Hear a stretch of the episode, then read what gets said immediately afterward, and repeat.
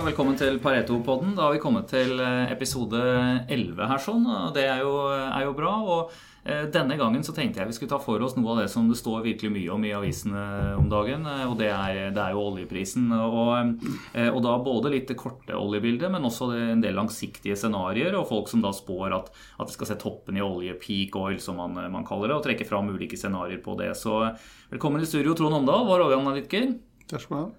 Ja, hvis vi tar eh, først, eh, først oljeprisen akkurat nå. Altså, nå har vi hatt et, et eh, 2016 hvor du for så vidt eh, hadde et veldig treffsikkert oljeprisestimat. Du traff vel innenfor 25 cent eller noe der omkring på liksom snittprisen på, på oljen.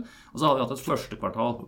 Der vi òg traff i gjennomsnitt veldig godt. Ja, ikke sant? Og så spår jo vi at andre kvartal det skulle bevege seg opp mot 60, og eh, tilsvarende også i tredje, før vi skulle få en avslutning på året opp mot 65. Eh, og eh, Foreløpig så ser jo andre kvartal det, det, det har vært tyngre. Det har vært vanskelig å få noe momentum på oljeprisen, og vi ligger og dunker rundt 50 her. Eh, Hvordan, eh, men, samtidig så har jo egentlig det scenarioet du har tegnet opp, og som vi har gått gjennom mye før, altså i det fysiske oljemarkedet, der hvor, der man faktisk handler eh, oljen, der, der, der ser vi en tilstramning. Kan, kan du si litt om hva situasjonen her er nå, og hva vi venter i, i det korte bildet? Ja, Prisen i første kvartal traff jo, men, men eh, det skjedde en del ting der som har påvirket det fysiske og nå inn i andre kvartal, nemlig at etterspørselen ble svakere.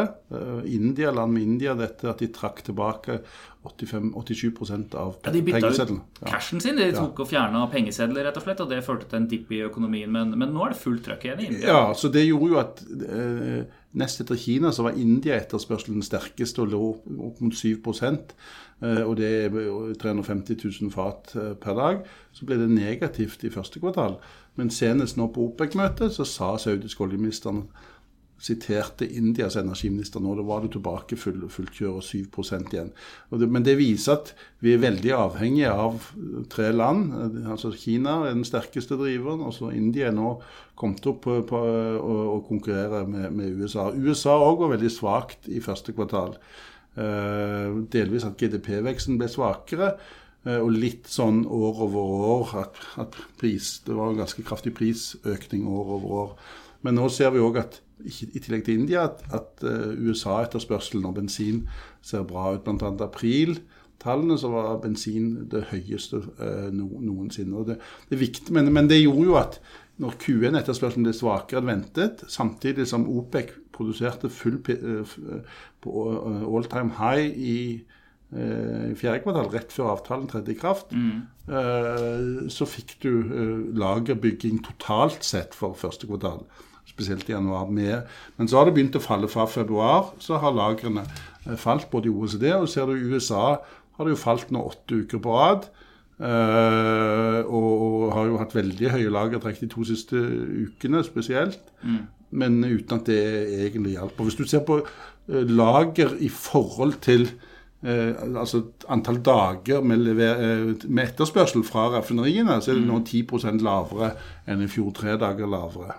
Og så kommer du da inn i peak demand, både Ja, nå globalt kommer driving season, Ja. som man kaller det, hvor, eh, hvor man skal ut, i hvert fall i USA ut og kjøre bil, og, og eh, hvor etterspørselen er, er sterk. Ja. Så, så nøkkelen er at nå i disse, fra februar utover så har markedet vært i balanse med å, og begynt å trekke. Eh, og når da etterspørselen i andre halvår er to millioner fat høyere enn i første halvår, og markedet allerede er i balanse, og USA, selv om USA stiger, produksjonen stiger med 100 000 fat per dag, så vil du få en veldig kraftig lagertrekk. Over, trolig over halvannen million fat. Eh, Det avhenger jo av at OPEC fortsetter å holde disiplinen. Og, og det at Libya og Nigeria stiger, gjør jo det litt, eh, litt mindre. Og det har jo for så vidt bidratt litt til prisfallet de siste ukene. For, for å sette dette litt i sammenheng for, eh, for lytterne der ute, så produserer jo Norge samlet sett ca. 2 millioner fat om dagen. Eh, USA bruker ca. 20, hvis jeg runder av litt, eh, millioner fat om dagen, hvor de nå nesten produserer halvparten selv.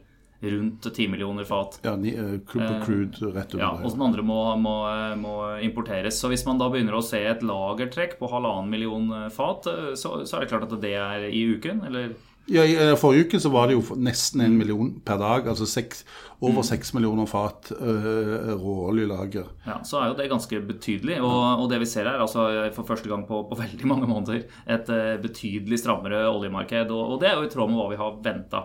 Ja. Men så er det jo en annen, altså, så I det kortsiktige bildet så, så, så skal jo dette gjøre at uh, lagene faller og skal de fleste, selv om som er skeptiske langsiktig, tror jo at det skal dra opp den kortsiktige prisen. Men så er det samtidig hva, hva er den langsiktige prisen? Og det påvirkes av at estimatene for hvor mye USA kan stige over tid, eh, har kommet opp. Mm. Og nå er det mange som snakker om at selv på 50 dollar og 50 til 55 at en kan øke med 1 million fat per dag de nærmeste tre årene. Og det er klart at da tar USA-produksjonen mye av etterspørselsveksten. Og Da er det opp til OPEC hvordan OPEC velger å agere. Vil de prioritere markedsandel, eller vil de velge pris? Ja, ja for de har jo nå Det har kanskje hatt mindre effekt enn de hadde trodd, de kuttene som har vært uh, gjort uh, nå siden, årsskiftet. Ja, og så er det en faktor til at disiplinen har jo vært rekordhøy. Men det har vært i den delen av Eh, året der etterspørselen lokalt i Midtøsten, Saudi eh, f.eks., er mye lavere. Så eksporten har egentlig ikke falt noe særlig. Så Saudi selv før avtalen for, for, mm. I fjor, i 2016, så produserte de omtrent like lavt, litt høyere, men noen, bare noen hundre tusen fat høyere enn enn det de gjorde nå, nå etter avtalen. Så, så, sånn sett er nøkkelen hva som skjer nå når lokal etterspørsel bl.a. i Saudi stiger med nesten en halv million fat på dag. Og Der gikk Saudi oljeministeren ut i, på pressekonferansen i forrige uke og lovte lavere eksport, spesielt til USA. Han snakker om 300 000-400 000 fat lavere. Så den nøkkeldynamikken at USA-etterspørselen øker med 600 000 alene, mm. Saudi stiger med 600 000, og hvis da ikke Saudi rampe opp produksjonen eller hente mer fra lager, så er det en nøkkeldynamikk til å stramme inn, lag, stramme inn eh, markedet kraftig de nærmeste månedene. Ja, og, og, det er jo det vi ser tegn til nå. og Vi forventer da at det vil eh, medføre et, et rykk oppover i oljeprisen her. Ja, for det er jo finansielle aktører som, har, som, som beveger dette. altså Wall Street og hedgefondene kjøpte den storyen som vi òg uh, var proponenter for, at, at, dette ville balansere markedet og sende lagrene ned. Og, og så gikk Eh, posisjoneringen til rekordhøye eh, eh, lange posisjoner i februar. Men nå har jo de blitt redusert til at du faktisk er nede på, på, på så like korte som før OPEC-møtet. Men de, de, er jo, hvis de først begynner å se nok tegn på at lagrene virkelig trekker, for dette er liksom seeing is believing, mm. nå, nå, må, nå, må, OPEC vise dette. Eh, da tror vi at det er de som kan flytte dette fortere enn en egentlig tror.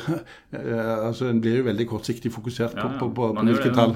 Men, men, men, avstanden ned til eh, normale oljelagre, man ser ofte på et femårssnitt på disse oljelagrene, den er ikke så stor lenger nå? Eller? Nei, OPEC sjøl opererer med 270 millioner fat. For, det er for, det er for OECD-lagrene.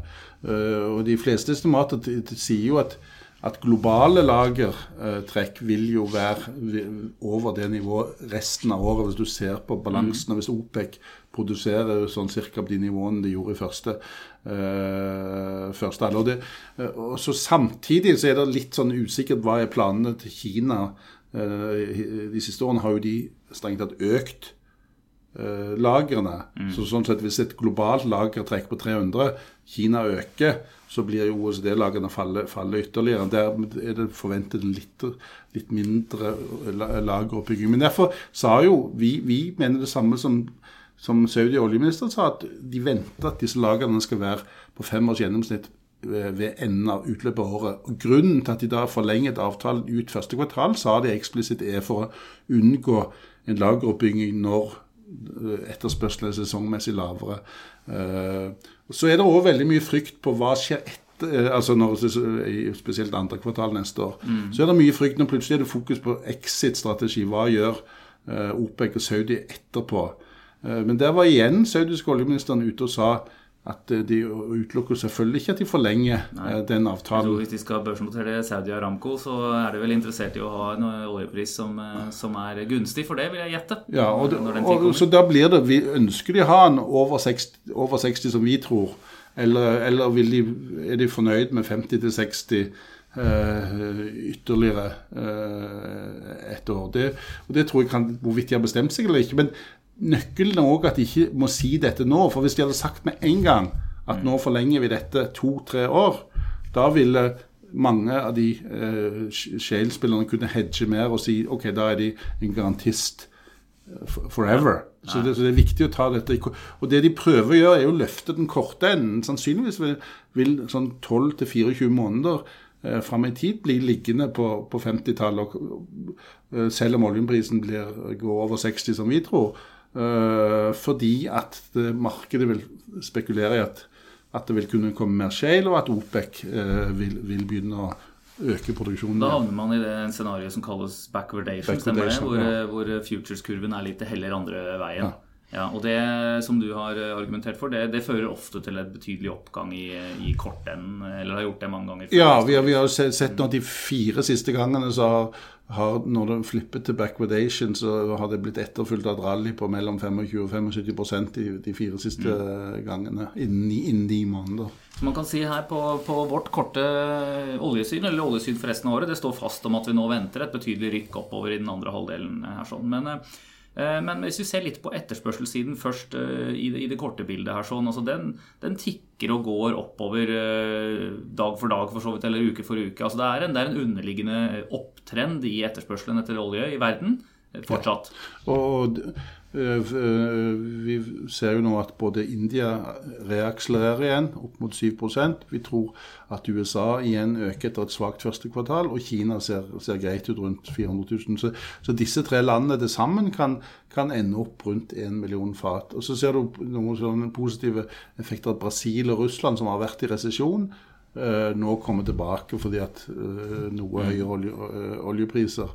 Og så hjelper jo oljepriser på disse nivåene òg etterspørselen i Midtøsten, uh, som har jo vært kraftig uh, rammet. Så, så uh, konsensus er rundt 1,3 millioner fat. Men vi mener nok at det er mer oppside enn nedside. Spesielt i andre halvår forventer vi nok en, en reakselerasjon, og trolig opp mot 1,5 i andre halvår. Mm, mm, mm. Så for det tenkte jeg skulle være tema litt for, for andre halvdel av denne diskusjonen, egentlig. Det, det, er, det er jo også å se, ta på de lange brillene litt her, og se fremover og se på dette her med, med om olje har noe for seg når, ligger, når vi ligger litt lenger fram i, i, tid. Og det er mye snakk om, om, en rekke faktorer nå som kan dra dette ned. og eh, Pareto er jo kjent som et hus som jobber mye med olje, og vi jobber mye med oljeselskaper. og Det er jo en fordel, og det gjør jo også for så vidt at, at du eksempelvis, eh, Trond, er jo, er jo mye ute og snakker med med ledere, styrer, eh, organisasjoner eh, som nettopp er de som skal ta de lange beslutningene, skal bestemme om det skal bygges ut det eller det feltet, skal bestemme om man skal kjøpe nye båter. ikke sant, disse her. Eh, de lager prognoser, og da, da er antakelser om oljeprisen fremover viktig. Selvfølgelig. Så men vi jobber jo også mye med fornybar energi. Det gjør jo også en del av de selskapene som for så vidt er oljeselskaper og sånt i, eh, i dag. Statoil trekkes jo fram som et av de som, som, eh, som, jobber på begge de aksene der sånn internasjonalt, mens andre store selskaper uten å nevne navn trekkes fram som, som de som bare, bare, driver med olje. Og dette her er jo en, en spennende, interessant tematikk som mange er opptatt av. Og jeg sitter her med en Bloomberg-artikkel hvor det trekkes fram det som kalles for IEA sitt base case, og det er vel egentlig det eh, scenarioet som vi eh, ofte benytter på, på, de lange oljeprisbanene. Mens du da har oljeindustrien selv, som ligger med et litt høyere scenario. Og så trekkes det fram tre områder eh, som, som, spesielt kan trekke oljeetterspørselen ned. Det, det, ene er effektivisering, altså gjerne fuel efficiency. Da, at biler for alle mulige fartøy vil bruke mindre eh, olje per kilometer de flytter seg. Eh, og så har du elektriske biler i seg selv.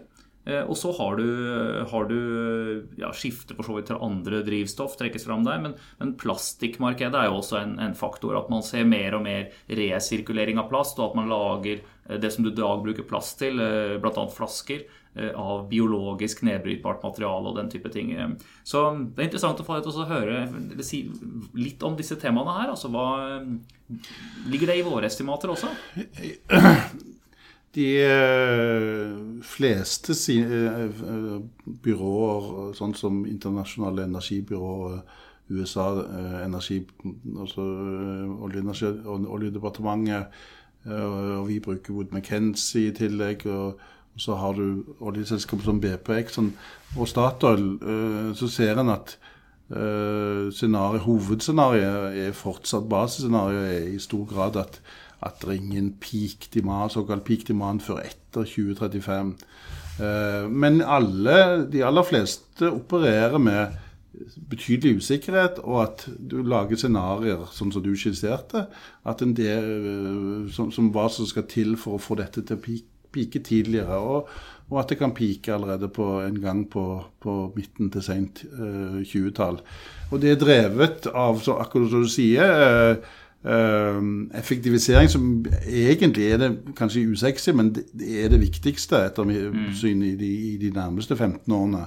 Og så er det substitusjon inn til, til el, og så det du nevner som petrokjemi-eksempel. Eh, men, men, det som nøkkelen til veksten framover er jo at fremdeles er det, det er Kina og India som er den store driveren. At de, de vil oppleve eh, ca. 50% av verdens økonomiske vekst er fra disse eh, landene. Og kanskje etter hvert Afrika også, for så vidt. Ja, og så er det tredje som det snakkes mindre om, er at eh, f.eks. BP trekker fram at de ligger inne at Afrika ikke før, uh, før 2050 ta, får denne takeoff-perioden, denne energiintensive veksten som når du får en, frem, en middelklasse altså Du så Kina komme inn i denne for 15 år siden, og nå så du India der. Mm. Der du får en veldig, altså veldig sånn, nærmere én-til-én-forhold mellom økonomisk vekst og eh, energivekst. Og Så ser du at Kina for så vidt nå kommer inn i en fase der energiveksten er, er, er svakere, men, men, det er jo fra et mye høy, i prosent, men fra et mye høyere nivå. Så ser du at Kina er i ferd med å ta av. Uh, uh, så, så, det er base case, og vi, vi, mener kanskje en del av de der driverne underkommuniseres. Men så, uh, og så er det òg at det som får veldig fokus her, er elbiler. Mm. Men, og at de i hvert fall innen 2025 kan være konkurransedyktige. Men det, innen de nærmeste ti årene så vil jo forspranget til konvensjonelle biler øke. Så i dag er det 1 milliard vanlige biler, så er det 1,5 milliarder uh, hybrid- og rene batteridrevne biler. Uh, innen 20 år så forventes den bilparken globalt til å stige til 2 milliarder. Uh, og da er den aller meste av veksten i, utenfor OECD, altså Kina, India, Afrika mm. osv. Så, uh, så men, men sånn basisscenarioene er som regel at, at innen da så er 100 2, kanskje 200 millioner er blitt elbiler. Så har jeg sett er det scenarioer til opp mot 400 millioner. Ja. Uh, så, så, etter 2025 forventer jeg at, at veksten avtar. Og, uh, men før den perioden så er det jo energieffektivisering som er det viktigste. Egentlig burde, Hvis en virkelig ønsket å prøve å oppnå peak demand, så burde en satse alt på effektivisering av konvensjonelle ja, og, biler. det ser man jo betydelig. altså i, i, de fleste biler så har man iallfall hatt en, et, et, skifte de siste la oss si, ti årene. Da, fra at biler brukte typisk rundt én liter på mila, til at de bruker nærmere en halv liter på mila. Så kommer det an på størrelsen på bilen og alle de tingene der, eh, hvordan man kjører. Men, men det har jo vært en veldig betydelig effekt når det gjelder persontransport. I hvert fall. Ja, og der, der har jo hatt f.eks. i USA myndighetsreguleringen såkalt altså f.eks. CAFE-standard, Car Fuel Efficiency Standard. Mm. Men, uh, men, det er jo litt spennende hva skjer nå under Trump. fordi En har sett selv før Trump sluttet, når, begynte at når prisene har kommet ned, så har mye av denne effektiviseringen uh, stoppet opp. At du, Hvis du ser på hvor, hvor, mye folk kjører og i forhold til bensin, så er den effektiviseringen uh, stoppet opp. Og en ser òg at uten reguleringer så ser en at at òg i Asia så er såkalte SUV-er veldig populære. I desember så kjøpte var det én million SUV-er bare på én måned som ble solgt i Kina. Mm. Og globalt all, på én måned. Og, det, og, alle batteridrevne og plug-in hybrider i verden var 750 000 på et helt år. Og veksten i suver er formidabel. Så, så hvis du ikke Alt dette kan jo reguleres og forbys. Men, men det, er jo Og det, det er en faktor som ikke snakkes om. Det snakkes mye om det grønne skiftet, men fallende olje, det, det oljeprisfallet vi har opplevd, har jo gjort at oljen tre, nå på, tredje, ja, på tredje året så mm. øker markedsandelen. Det har ikke skjedd på 20 år. Mm. Uh, så det er en priseffekt her. Så, så, selv om det er smertefullt en del av omstillingen, spesielt leverandørene, leverandørindustrien har gått gjennom, så er det klart det kan òg forlenge uh, oljealderen. Og så, det, og så, er det, dette at olje, så lenge det har så sterk markedsandel, 55% er transport, foreløpig er det ikke, ikke konkurransedyktig. Men det kan bli på privatbilsegmentet. Men så har du fly, og du har heavy trucking og båttransport, der det er foreløpig ikke realistisk at batteri er plattformen. På, på personbilsegmentet så kan dette være viktig, spesielt etter 2025 tror mange at dette kan være konkurransedyktig, og det, og det kan jo eh, skje, skje, tidligere. Så, men, men, men, så er det egentlig i, i elektrisitet. fordi at Oljen har egentlig nesten tapt kampen om, om el-segmentet innenfor andre ting. Og, altså, El er jo viktig på alt annet enn transport. Jeg tenker du på generering av el? Det er ja. gass mer som liksom er Ja, så sånn sett er, er gass på en måte litt mer utsatt. Uh, men der må en jo òg si at foreløpig er jo uh, vindkraft og solkraft som vi snakker om, ny, ny fornybar, du har jo vannkraft i tillegg, mm. er fortsatt bare på to, under 2% og det er i kapasitet, ikke produksjon. For, så, så, og det, du har investert flere hundre milliarder bare for å komme dit. Men, men der er det jo spennende scenario, det, det og, og, spesielt sol tror en jo kan For det, der begynner jo både sol og, og, og, vindkraft på land å være konkurransedyktig mm. med kull og gass. Jeg Vi så vel en uh, kommentar denne uken her på at det var det første sanksjonerte vindkraftprosjektet nå i Tyskland uten subsidier noensinne. Altså det var lønnsomt uten subsidier. Eh, men, eh, og, og, mye av veksten i verdens energiproduksjon har jo nå skjedd nettopp med innen fornybar. Men, men, det er jo lenge siden vi har sett noen si, Dette er jo evolusjonære endringer, altså at det går relativt i små, små skritt. Men det er også lenge siden vi har hatt sett revolusjonære endringer innenfor energi. At noen finner opp noe nytt, altså kall det fusjonskraft eller et eller annet sånt, at det virkelig blir kommersielt. Det, det, vet man jo aldri, men, er, um, men, at det vil komme en eller annen gang, eh, vil, nok, eh, vil vi nok kunne, kunne, si. Og det kombinert med bedre, mer effektive batterier selvfølgelig vil jo være en, en mulig game changer. Men, men, det er vanskelig å påvise noe sånt før man faktisk ser det. Ja, og så, så er det klart at det er jo altså atomkraft Hvis en virkelig var bekymret for CO2-utslipp, så ville jo atomkraft virkelig være løsningen, og det er konkurransedyktig. Men det er jo litt sånn Not in my backyard. At det ikke er så mange ja, som har lyst på atomkraftverk. Det er jo et spennende tema i seg selv. Eh, det er fordi at eh, de, de, atomkraftverkene som man har hatt disse kjente ulykkene på, eh, det er jo atomkraftverk som har blitt bygd med teknologi som ja, du bruker skyvelær i stedet for lasermålere, for å, å si det sånn. Og det er, det er altså gamle greier. Som, som, og det går jo an. De som lager noen nye testreaktorer, jo, kan jo få det nærmest helt sikkert. Ja. Men, men, men, samtidig som du ser at vindkraft og solkraft konkurrerer, så ser du allikevel der veksten eh, kommer i kraft. F.eks. i India så er det 300 millioner mennesker som ikke har tilgang til elektrisk strøm. Hva, hva bygger de ut nå? Vi, vi, burde jo håpe de kunne bygge ut vind og sol, men, men de planlegger å bygge 360 kullkraftverk eh, de neste 10-12 årene. Eh, og Kina òg bygger jo det, det, det ligger jo litt i det som skjedde med Eh, med, med Trump og, og Parisavtalen. Et av ankepunktene er jo at, når det, eh, at mye av CO2-utslippene vokser fordi at disse landene trenger elektrisk kraft, og de har opptil 70% av deres kraftgenerering er, er, fra kull. Og egentlig burde det der støtet burde vært satt inn, at sol og, og vindkraft der, der vek, virkelig veksten kommer. Men òg vi ser jo i Europa at det, her, som du sier, vi, veldig mye av veksten av ny kapasitet. Eh, kommer fra, eh, fra fornybar. Eh, og det er jo positivt. Altså fornybar. Norge har, er, jo, har jo, er jo så begunstiget at 96 av vår el er fornybar vannkraft. Ja. Og, og, vind og sol kan jo ikke Sol for viktige grunner, men, men, men selv onshore vind, og, og, i hvert fall ikke offshore vind ennå, kan konkurrere med, med vannkraften. Nei, Vannkraften er jo veldig effektiv, og det er jo i bunn og grunn uh, tyngdekraft. bare. Så det er, jo ikke, det er jo ikke kompliserte innretninger, men, uh, men, man har fått mye ut av det. Det er kjempebra. Vi er heldige med, med den der. der. Men, men, men, hvis man da ser På oljemarkedet nå, nå tok vi først og kommenterte det kortsiktig. eh, Der er det alltid en, eh, interessante svingninger. Men, men på den mellomlang sikt, altså man kan si fram til liksom vi ser 2025, altså de neste seks-sju eh, årene, så, eh, så, så, ser ikke vi noen store grunner til at ikke du skal ha et, en, en underliggende positiv utvikling fremdeles på oljekonsumet i, i verden. da. Nei, og øh, vi tror jo egentlig på en, på en ny syklisk øh, oppgang, og at uh, den kanskje kan overraske på, på oppsiden. Mm. Uh, og være sterkere enn trendveksten har vært de siste 15 årene pga.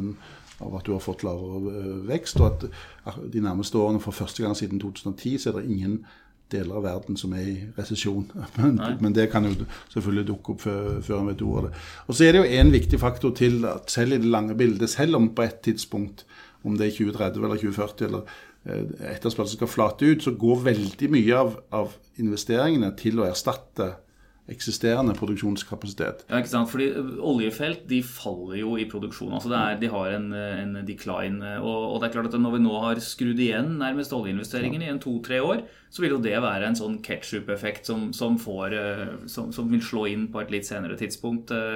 Med da egentlig for lite olje. Det, jo, det minner meg jo egentlig på at når oljen var handla opp rundt 110-115 i, i, flere år, så, så, var det mange som sa at den, den beste kuren for høy, høye oljepriser er høye oljepriser. Og Kan vi nå også si her i den situasjonen her at den, den beste kuren for lave oljepriser er lave oljepriser? Absolutt, men så er, det, så er det samtidig klart at det, det, har overrasket alle hvor mye uh, industrien har fått kostnadene ned. Det, det, gjelder både skiferolje, men det gjelder jo òg i, i Norge, der vi ser feltutbygginger som er falt med 40-50 i, i break-even. En fantastisk lønnsomhetsforbedring. Ja, og en kan jo lure litt på hva, hva var det industrien eh, holdt på med. Men det er jo selvfølgelig lavere priser og riggrater og osv. Og, og så er det en effektivisering og mindre kapasitetsflaskehalser. Ja, valg av nye konsepter er vel også veldig enklere, vel, Selvfølgelig enklere konsepter. når du, eh, og Johan Castberg er jo et eksempel der du har et eh, i Barentshavet som du har fått ned break-even fra 80 til 35. Noe av det er jo faktisk et, et annet konsept med mindre prosesskapasitet. fordi at før designet du for mange, mange andre funn, ikke landanlegg osv. osv. Så, uh, så Så det viser, tæring etter næring det viser jo at industrien både, Det er jo både skifer det er snakk om, men òg nå kommer offshore òg. Mm. Uh, at uh, du har effektivisert det. og, det og så har du jo klart Fremdeles har du ettervirkninger av den enorme investeringsboomen med oljepriser over 100 dollar i tre år, eh, med 800 milliarder dollar i årlige investeringer. Fremdeles kommer det jo felt som blir vedtatt på de tidspunktene. Men eventually så, så, vil jo den bølgen uh, dø ut. Og så er det fremdeles The jury is definitely out hvor, hvor lenge, spesielt etter Permian, Eh, basseng, altså skiferoljen i Permian. Mm. Hvor, hvor, mye og hvor lenge. Det er det beste bassenget i, i, USA. ikke sant? Det, det er kjempestore ressurser der. Ja. Mm. Hvor, lenge det, hvor, lenge det, kan vokse. Eh, for nå begynner mange å ekstrapolere det, den veksten du har i år, at den kan ekstrapoleres tre år fram eh, på samme nivå på 50 dollar. Selv om det mange òg begynner å se noe tegn til syklisk, at syklisk inflasjon begynner å, å motvirke den produktivitets men vi ser jo nå for første gang på for flere år at nå, nå begynner oljeselskapenes budsjetter å økes litt grann, eh, igjen. Eh, ja, og det, det er jo eh, også offshore. Og jeg opplevde denne uka her sånn noe som jeg ikke har sett Iallfall den tida jeg jobbet i Pareto, nesten, tror jeg. Og det, det var å høre en rigganalytiker som begynte å høres litt bullish ut når det gjaldt biter av riggmarkedet. De, de, de, best spekkede offshore-enhetene. De beste riggene, rett og slett. altså. Og Det var litt av det samme vi så onshore i USA. At, uh, at de, de, beste riggene fikk jo jobbe også under, uh, under den nedturen som var. Og det var de som hadde høyest effektivitet, og som gjerne utbyggerne av feltene vil sikre seg, ikke sant, rett og slett, fordi at det er best økonomi i det. Og det, ja, og det er jo en effekt av at selskapene har kuttet betydelig i investeringene, fått ned eh, kostnadene. At de nå på 50 dollar oljepris faktisk genererer mer positiv kontantstrøm. Eller har fri kontantstrøm nok til, til, å dekke både investeringer og utbytte. Noe de ikke greide på en oljepris som lå på 110 eh, dollar fatet. Og når da selskapene begynner å, at gjelden faktisk faller Vi så jo at Statoil i første kvartal eh, hadde over 9 kroner i fri kontantstrøm, altså 3,5 milliard dollar i fri kontantstrøm. Det begynner å bli penger. Det begynner å bli for ett kvartal. Uh, og, og utbyttet deres er 7,8, så, så ser du at når den cash constraint altså, så, så, har jo selskapet mange brønner som er lønnsomme. Offshorebrønner som er lønnsomme og har payback-tid på, på 18-24 måneder. Bare, og, og, selvfølgelig vanlige prosjekter. Så, så, det har jo vært kapitalbegrensningene som har gjort det. Så, så når, når, når, du får positiv kontantstrøm, det har en jo sett historisk, at mm. dette er litt sånn cash in, cash ut, så begynner selskapene å investere igjen. Og det, det, det ser vi de, som gjør at du får en forbedring òg i, i, viktige rigg- og, og lysservicesegmenter. Ja, for det er jo segmenter som har vært veldig tunge, og vi kommer til å ta opp det mer på en, neste, en senere podkast eh, her igjen. Eh, som, eh, den, de, som lever av avledet etterspørsel, som det kalles, etter, etter olje.